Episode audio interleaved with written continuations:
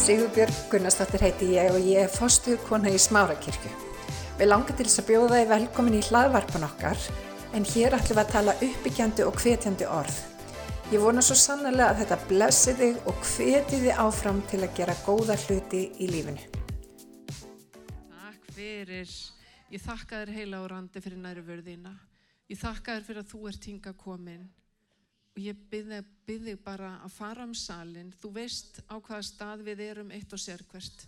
Viltu opna hjart okkar fyrir því sem þú hefur að segja? Vilt þú tala hér í dag, drottin? Og þú getur talað eitthvað, jável eitthvað allt annað en það sem ég hef að segja. Þú getur talað persónulega til hvers og eins og þess byrði ég í dag. Ég þakka þér fyrir Jésús að þú ert herra heimis og jarðar. Ég þakka þér fyrir Jésús að blóði þitt rann á krossinu fyrir okkur. Þú stegst niður til heljar Þú reist á þriðja degi aftur frá döðum og þú stegst upp til himna. Þú ert konungur konunga og drottin drottna og í dag skal höfðingja þessa heims útkastað í Jésu nafni. Í okkur á hann ekki neitt. Ég þakkaði fyrir Jésús að þú átt hjarta okkar. Amen, amen, amen. Amen. Indislegt að vera hérna. Þegar við lesum um spámen Gamla testamentisins þá sjáum við að þeir spáðu stundum langt, langt fram í tíman og við sjáum að þeir fengu ekki alltaf að sjá spádóman að rætast. En stundum töluðu þeir strax. Stundum sögðu þeir eitthvað inn í sína samtíð og jáfnvel eitthvað mjög persónulegt gagvart einstaklingum, gagvart konungum. Og það var mjög mikilvægt og mjög dyrmætt og nöðsynlegt fyrir konunga að hafa góða, sanna, heilaga spámenn sem þeir tristu, sem komu með Guðsorð, sem leiðbeindu þeim, sem vöruð á við og þannig spámaður var Nathan í lífi Davís. Gaman að nefna Davíð að því Þorgerður var að tala um Davíð hérna á hann. Einu sinni talaði, einu sinni sem oftar, talaði Guð til Nathans og Nathan fer til Davíðs með mjög alvarlega viðvörun. En Nathan byrjar ekki þar. Nathan byrjar ekki á því að segja við Davíð, Davíð minn, Guð sagði mér hvað þú ert búin að gera. Þú ert nú meiri kallinn, hvernig dattir þetta í hug? Nathan kemur til Davíðs einn daginn og hann segir, ég þarf að segja það sögu. Og svo byrjar hann Þessi saga er í annari Samúlsbók, 12. kabla og hann segir í borgetni voru tveir menn. Annar var ríkur og hinn var fátækur. Og þessi ríki hann átti alveg helling af sögðum og nautum og hann var bara mjög vel stæður. Þessi fátæki, hann átti eitt lamp. Hann átti eitt lamp sem hann elskaði út af lífinu og hann, hann virkilega annaðist það. Hann sá vel um þetta lamp og þetta var eins og hjartað í brjósti hans. Svo kemur ferðamaður og kemur gestur til ríkamannsins og þá týmdi ríkimaðurinn ekki að slátra einni einustu skeppnu af allri sinni stóru hjörð til að gefa ferðamanninum að borða. Hann tók lampið, þetta eina lamp sem fátækimaðurinn átti og hann slátraði því og hann matreyti það fyrir ferðamannin. Og þegar Davíð heyrir þessu sögu, þá verður hann reyður. Og hann segir, svona gerir maður ekki. Þessi maður er dauða segur og hann skal fá að borga fyrir þetta lamp fjórfalt. Þá horfir, Davíð, þá horfir Nathan og Davíð og segir, Davíð, þú ert maðurinn og það var rétt. Hann var nákvæmur í bóðskapnum sínum. Og svo segir, svo kemur Nathan með það sem Guð hafi sagt. Og Guð hafi sagt hef ég ekki gefið þér í rauninni allt sem hugurinn gindist? Hef ég ekki gefið þér völd? Hef ég ekki gefið þér auðæfi, hef ég ekki gefið þér velgengni, ég hef verið með þér í öllu og ef eitthvað hefði skort upp á það og þú hefði bara beðið um eitthvað pínulíti meira þá hefði ég líka gefið þér það. Og svo segir hann, Davíð, þú hefur sofið hjá konu annars manns. Þetta var eina konan hans. Þér standa allar dyr opnar. Og Davíð, ólíkt sál sem var á undan honum, Davíð fór ekki vörn. Þegar Samuel spámaður var sendur til Sáls til þess að segja Sál að hann hefði brotið af sér, að hann hefði gert eitthvað sem Guði mislíkaði, þá fór Sál í vörn. Og þá segir Sál bara neinin, það var ekki ég sem klikkaði, það var bara fólkið. Þú veist, ég gerði allt sem drottin sagði mér að gera, en það var fólkið sem bara þyrmdi bestu sögðunum og nautunum þeim hafi verið sagt að að slátra alls konar, já, ég ætla ekki að fara út í þá sögu. Sál var yfirmaðurinn. Sál var konungurinn. Sál gaf fyrirmælinn og fyrir skipanirnar og hann fór bara sína leiðir. Honum fannst óþarfi að hlýða Guði í smáatriðum. Kanski var hann taldans í orðin svo fastan í sessi að hann mætti bara gera það sem honum síndist.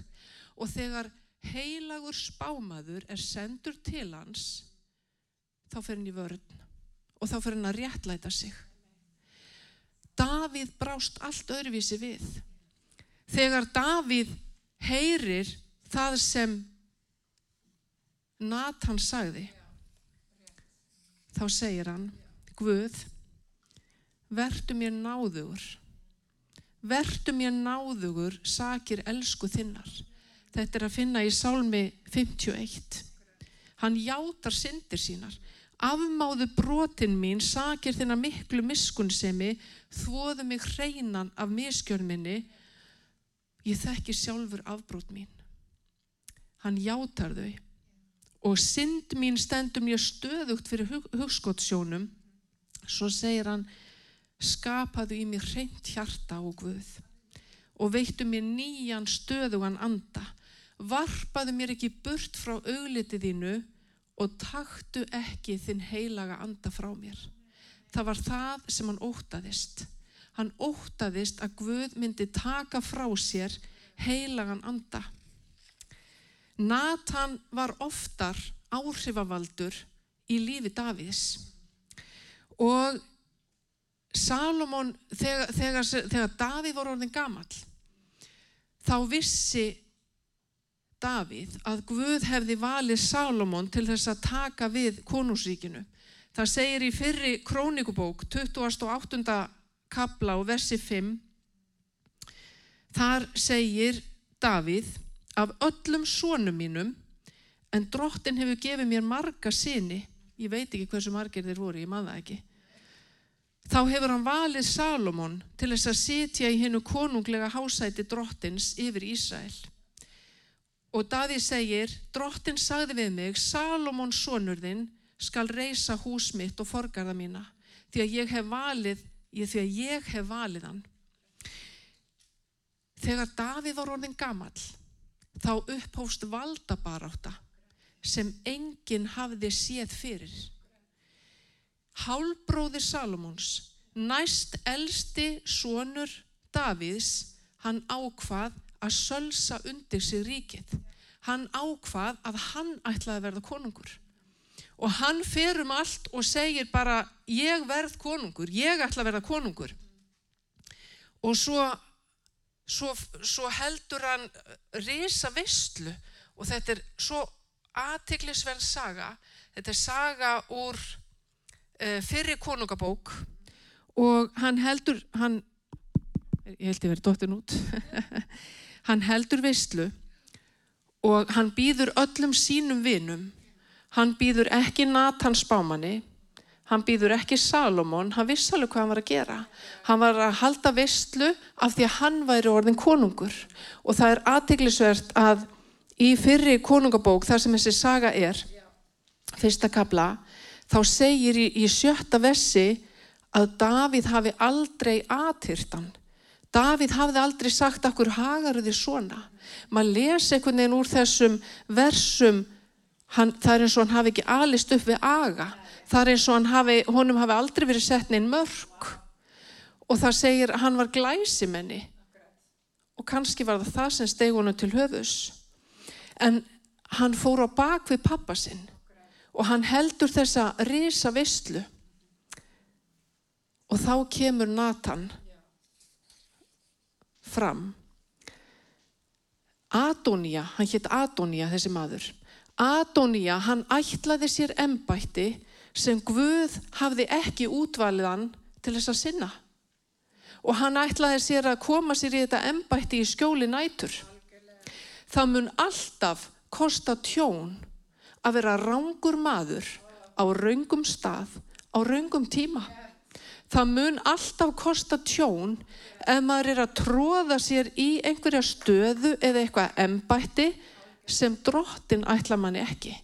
Guð hefur áallur með lífa okkar og við þurfum að finna okkar stað og það er ástæðulust að öfunda fólk af því að Guð hefur settað á einhvern stað eða bara allt hefur sinn tíma. Guð mun á sínum tíma upphefja þig svo framalega sem þú beigir þig, svo framalega sem þú sínir auðmíkt, þá mun hann á sínum tíma upphefja þig. Það mun alltaf kosta minni smörningu, jável enga smörningu að velja ránt fólk í ránga stöðu og það mun alltaf kosta einhverja hindrun ekki bara fyrir þá sem viðkomandi á að, á að stýra eða stjórna heldur líka fyrir einstaklingin sjálfan. Og þessi, þetta útspil Adonija varðunum alveg gríðarlega dýrkeft Nathan kemst á snóður um þetta og það stendur ekki hvernig, það stendur ekki hvort Guð ofinber á hann um þetta eða hvort hann frétti þetta. En Nathan var spámaður sem hafði hugreiki spámen verða hafa hugreiki og þeir geta þurft að ávarpa eitthvað sem er bara óþægilegt. Og það getur vel verið að spámen hafi í einhverjum tilfellum óttast um lífsitt þegar þeir töluðu einhverja viðvörun inn í líf konunga sem hafðu öll völd. Þeir tóku á hvern séns. En framar ber að hlýða Guði en mönnum. Og þeir vissu hverjum þeir voru sendir til að þjóna Nathan hann fyrir til Batsebu eiginkonu Davís konunar sem Davíð tók frá manninum sem hann átti ekki. Og það var ekki bara það að hann hafi sængað hjá konu sem hann átti ekki heldur sendir hann mannin hennar í fremstu výglínu til þess að hann falli í stríði til þess að komist ekki upp um að hann hafði barnað hana.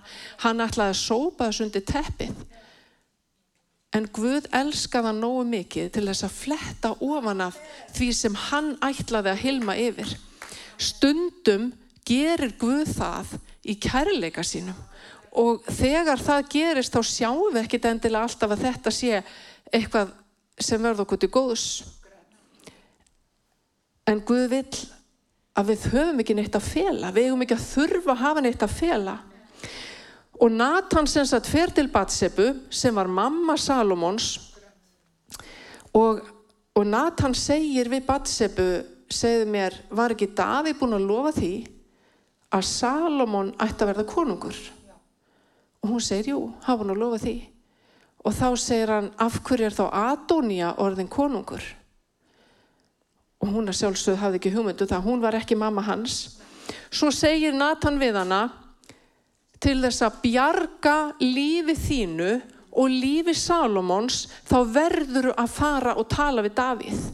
Þú verður að fara og segja honum þetta. Davíð var orðin gamall Davíð var orðin veikur og hann vissi þetta ekki það voru margir sem voru stungnir í baki það var farið á bak við marga. Og Batseba fer til Davís og spyr hann er það ekki rétt munað hjá mér að þú hafið lofað því, þú hafið heitið því að Salomón ætti að verða konungur eftir þig?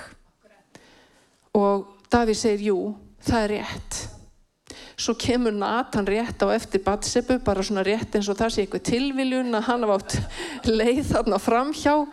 Og hann kemur og staðfestir orð Batsöpu og hann segir við Davíð, Davíð, uh, ef það að velja Adonja sem konung var þín ákförðun, af hverju ertu þá ekki búin að tilkynna það?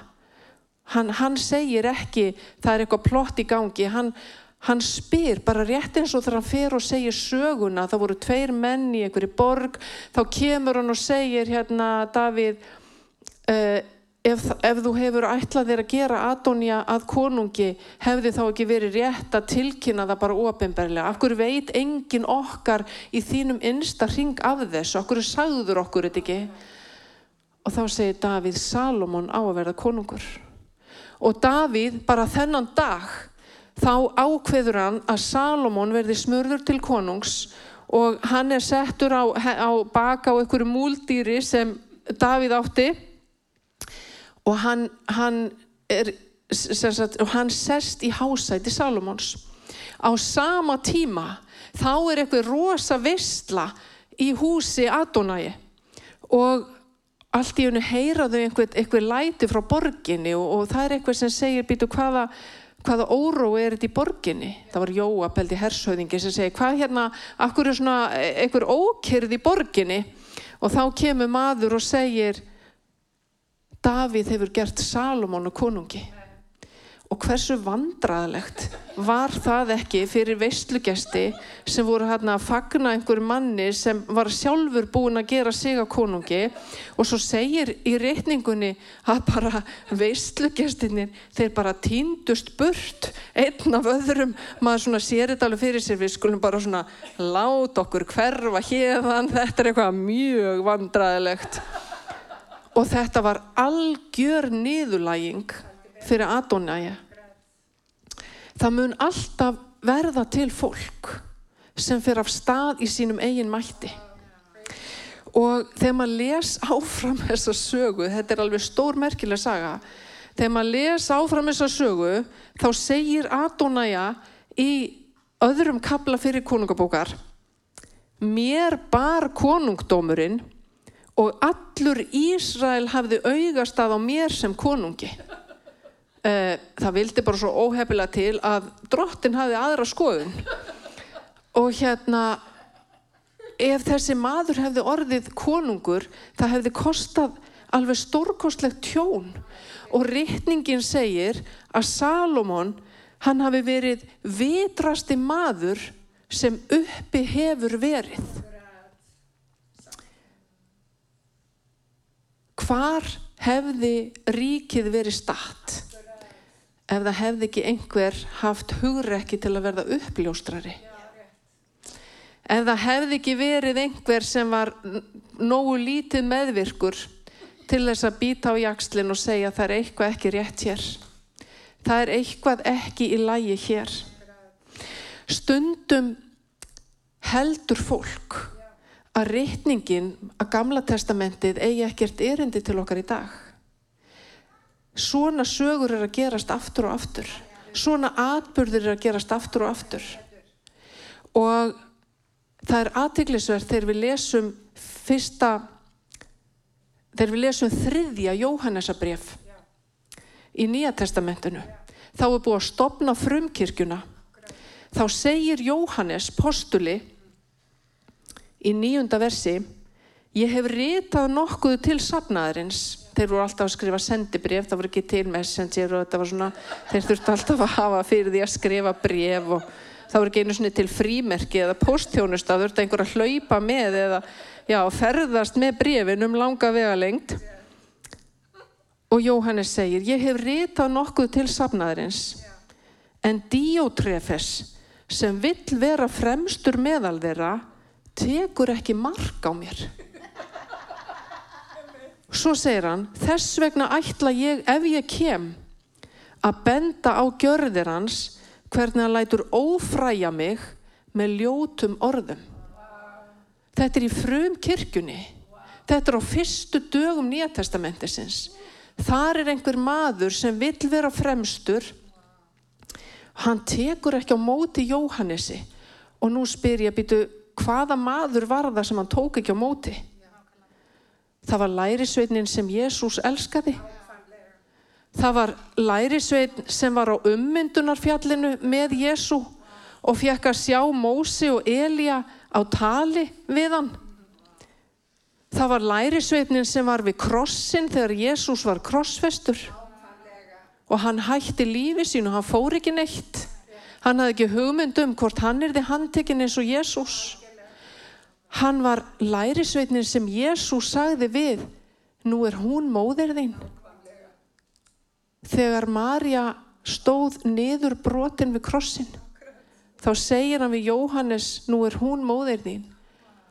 Og hann segir við Marju, nú er hann sonur þín. Og þetta var lærisveitnin sem skrifaði ofinbörnabókina. Þetta er lærisveitnin sem átti svo ótrúlega andlega fjársjóði, gekk með guði á hverjum degi, hafði varið lífi sínu í, fyrir bóðun fagnarendisins og allt í einu er komin einhver maður sem bara tekur ekki á móti þessu manni. Hvers andi var það? hvaða andi var á bakvið það? Því meira sem við byggjum, því augljósari verður barátt að góðs og íls í veröldinni og nú skal höfðingja þessa heims útkastað. Það sem við vitum er það sem Jésús sagði, hann sagði þjófurinn kemur bara til þess að stela, slátra og eigða. Jésús kom til þess að við hefðum líf og líf í fullri gnægð. Óvinnurinn starfar í lindum. Óvinnurinn starfar í myrkrinu. Ef það er eitthvað sem þólir ekki dagsljósið, þá ættum við að íhuga, er þetta örugla frá Guði? Vissulega verður allt sitt, sinn tíma, en þegar fólk er að plotta á bakvið tjöldin, þegar fólk er að gera eitthvað í myrkrinu, þá ættum við að hugsa hvaða andi er á bakvið þetta og til hvaða tjóns mun það leiða ef ég gæti mín ekki? Af því að við þurfum öll að passa okkur. Þegar Pétur hafði afneitað Jésu þrísvar og Jésu spyrtist Pétri upprisinn segir þrísvar við hann elskaru mig og segir svo við hann hvað, hvað býði hans þá bendir Pétur og annan lærisvein sem var sennilega Jóhannes og segir hvað um þennan? Og þá segir Jésús hvað varðar þig um það? Fylg þú mér. Og þetta er það sem við þurfum að vera upptekin af. Ekki, við, við eigum ekki að vera upptekin af áætlun Guðs fyrir einhverja aðra og vilja vera nákvæmlega í því embætti að þeirri stöðu sem þeir eru í þú veist, hvað varðar okkur um það? Við þurfum að vera á réttum stað á réttum tíma. Jésús sagði, fylg þú mér. Ég hef kallað þig til fylgdar við mig. Vertu heill, fylgdu mér. Ég man ekki hvort það var á síðustu samkomi og samkominni þar og undan sem ég talaði, ég held að verði þegar ég talaði hérna síðast þá sagði ég sögu. Ég kom hérna inn í salin einhver tíman á meðvöggudags, þriðudags eða meðvögudagskvöldi og það var svo ofubósla vondlikt hérna inni og þið muni kannski þessa sögu. Og það hafði einhver skilið eftir einhverja matarafganga eða eitthvað sem hafði bara úldnað. Og það var loftað út. Þegar það er eitthvað að mikla í kringum okkur eða úldna þá þurfum við að rýfa það upp með rótum og við þurfum að koma því út. Það er ekki nóg að lofta út. Það er ekki nóg að koma með eitthvað ylvatn eða eitthvað líktareiðandi. Við þurfum að taka yllgresið upp með rótum og koma því út. Og það getur bara verið erfitt og það getur verið sárt og það getur kostað hugrekki. En þegar þetta snýst um fólk, það er það sem er svolítið snúið, þetta væri ekkert máli, það væri ekki allt, allt þetta fólk alltaf í kringum okkur.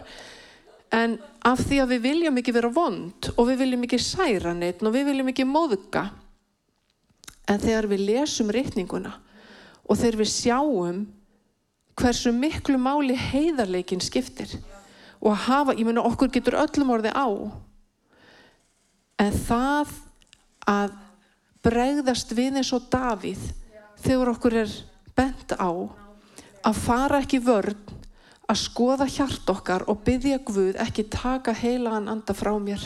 Viltu gefa bara ekki taka heilagan anda frá mér? Ég veit að það er barátt að góðs og íls í heiminum og það er eins og Þorgerður kom hérna inn á áðan að stundum líður fólki illa og það verður ekki hugmyndum af hverju. Stundum er þetta barátta. Og þegar maður bara mann að maður er óvinn þá getur maður beðið inn í þessar kringumstæður. En ég veit um enga aðra leið til að brjóta niður verk óvinnarins en bænina og föstuna og að standa á Guðs orði og það er það við notum andlegu vopn í andlegu stríði. Það er leiðin sem við förum í fyrsta Jóhannesabriði 3.8. setni partur versins þar segir til þess byrtist Guður sonur að hann skildi brjóta niður verk óvinnarins. Óvinnurinn reynir að reysa sér víi í líf okkar. Hann reynir að reysa sér víi allt í kringum okkur. Og þegar víin eru brotin niður þá ókerist hann. Þá hryktir í einhverju. Hann þólir ekki ljósið hann þólir ekki hann veit að hann hefur tapað fyrir Jésu hann veit að höfðingja þessa heims mun verða útkastað.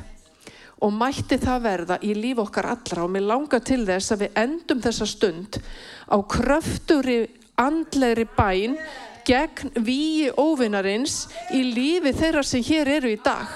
Og ef þú ert að berjast við ef það er einhver tókstreita í lífið þínu eða ef þú ert bara í baráttu þú veist hvað er rétt og þú einhvern veginn, einhverja hluta vegna rennur alltaf til eða bara átt ekki sigurinn þá brjótu við niður verk ofinnarins hér í dag. Og mér langar að byggja ykkur um að standa á fætur Jésús, Jésús, Jésús, Jésús, Jésús. Ég þakka þér fyrir Jésús að þú ert hér. Ég lýsi því yfir að þú ert herra heimins og jarðar. Þú ert konungur konunga og þú ert drottin drottna. Ég ákalla blóðið þitt yfir okkur og ég bind allt satans vald í Jésú nafni. Ég byrð þess Jésús, þú komst til að setja fangana frjálsa. Ég byrð þess Jésús að þeir sem eru bundnir hér í dag, þeir megi verða frjálsir í Jésú nafni. Og ég segi við því Satan, vík burt í Jésú nafni. Við brjótum niður sérkvært víi óvinnarins, sérkvært vald sem reykir sér gegn þekkingun á sannleikanum. Við tökum vald yfir því og við brjótum það niður og við kostum því burt í Jésu nafni. Við rýfum það upp með rótum og við komum því út í Jésu nafni.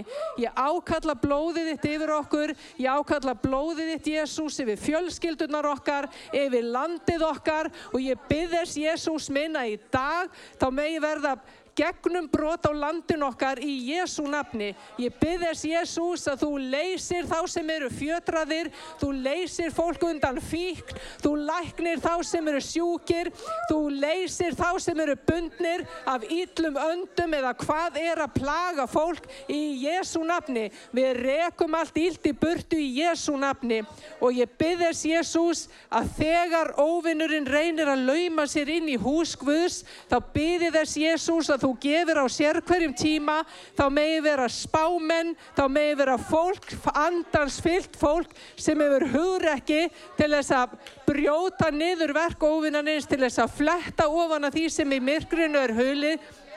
Og ganga, fylgja vegi sannleikans í Jésu nafni fyrir blóð Jésu Krist. Ég þakka þér fyrir Jésús að við förum frjáls hérna út í dag. Ég þakka þér fyrir Jésús að þú ert hér og ég þakka þér fyrir tíman sem er framundan. Þinn er mátturinn og þín er dyrðin í Jésu nafni. Amen, amen, amen. Hveti til þess að stilla inn á okkur með reglum hætti því að hér verður alltaf eitthvað nýtt á nálinni. Takk fyrir að hlusta.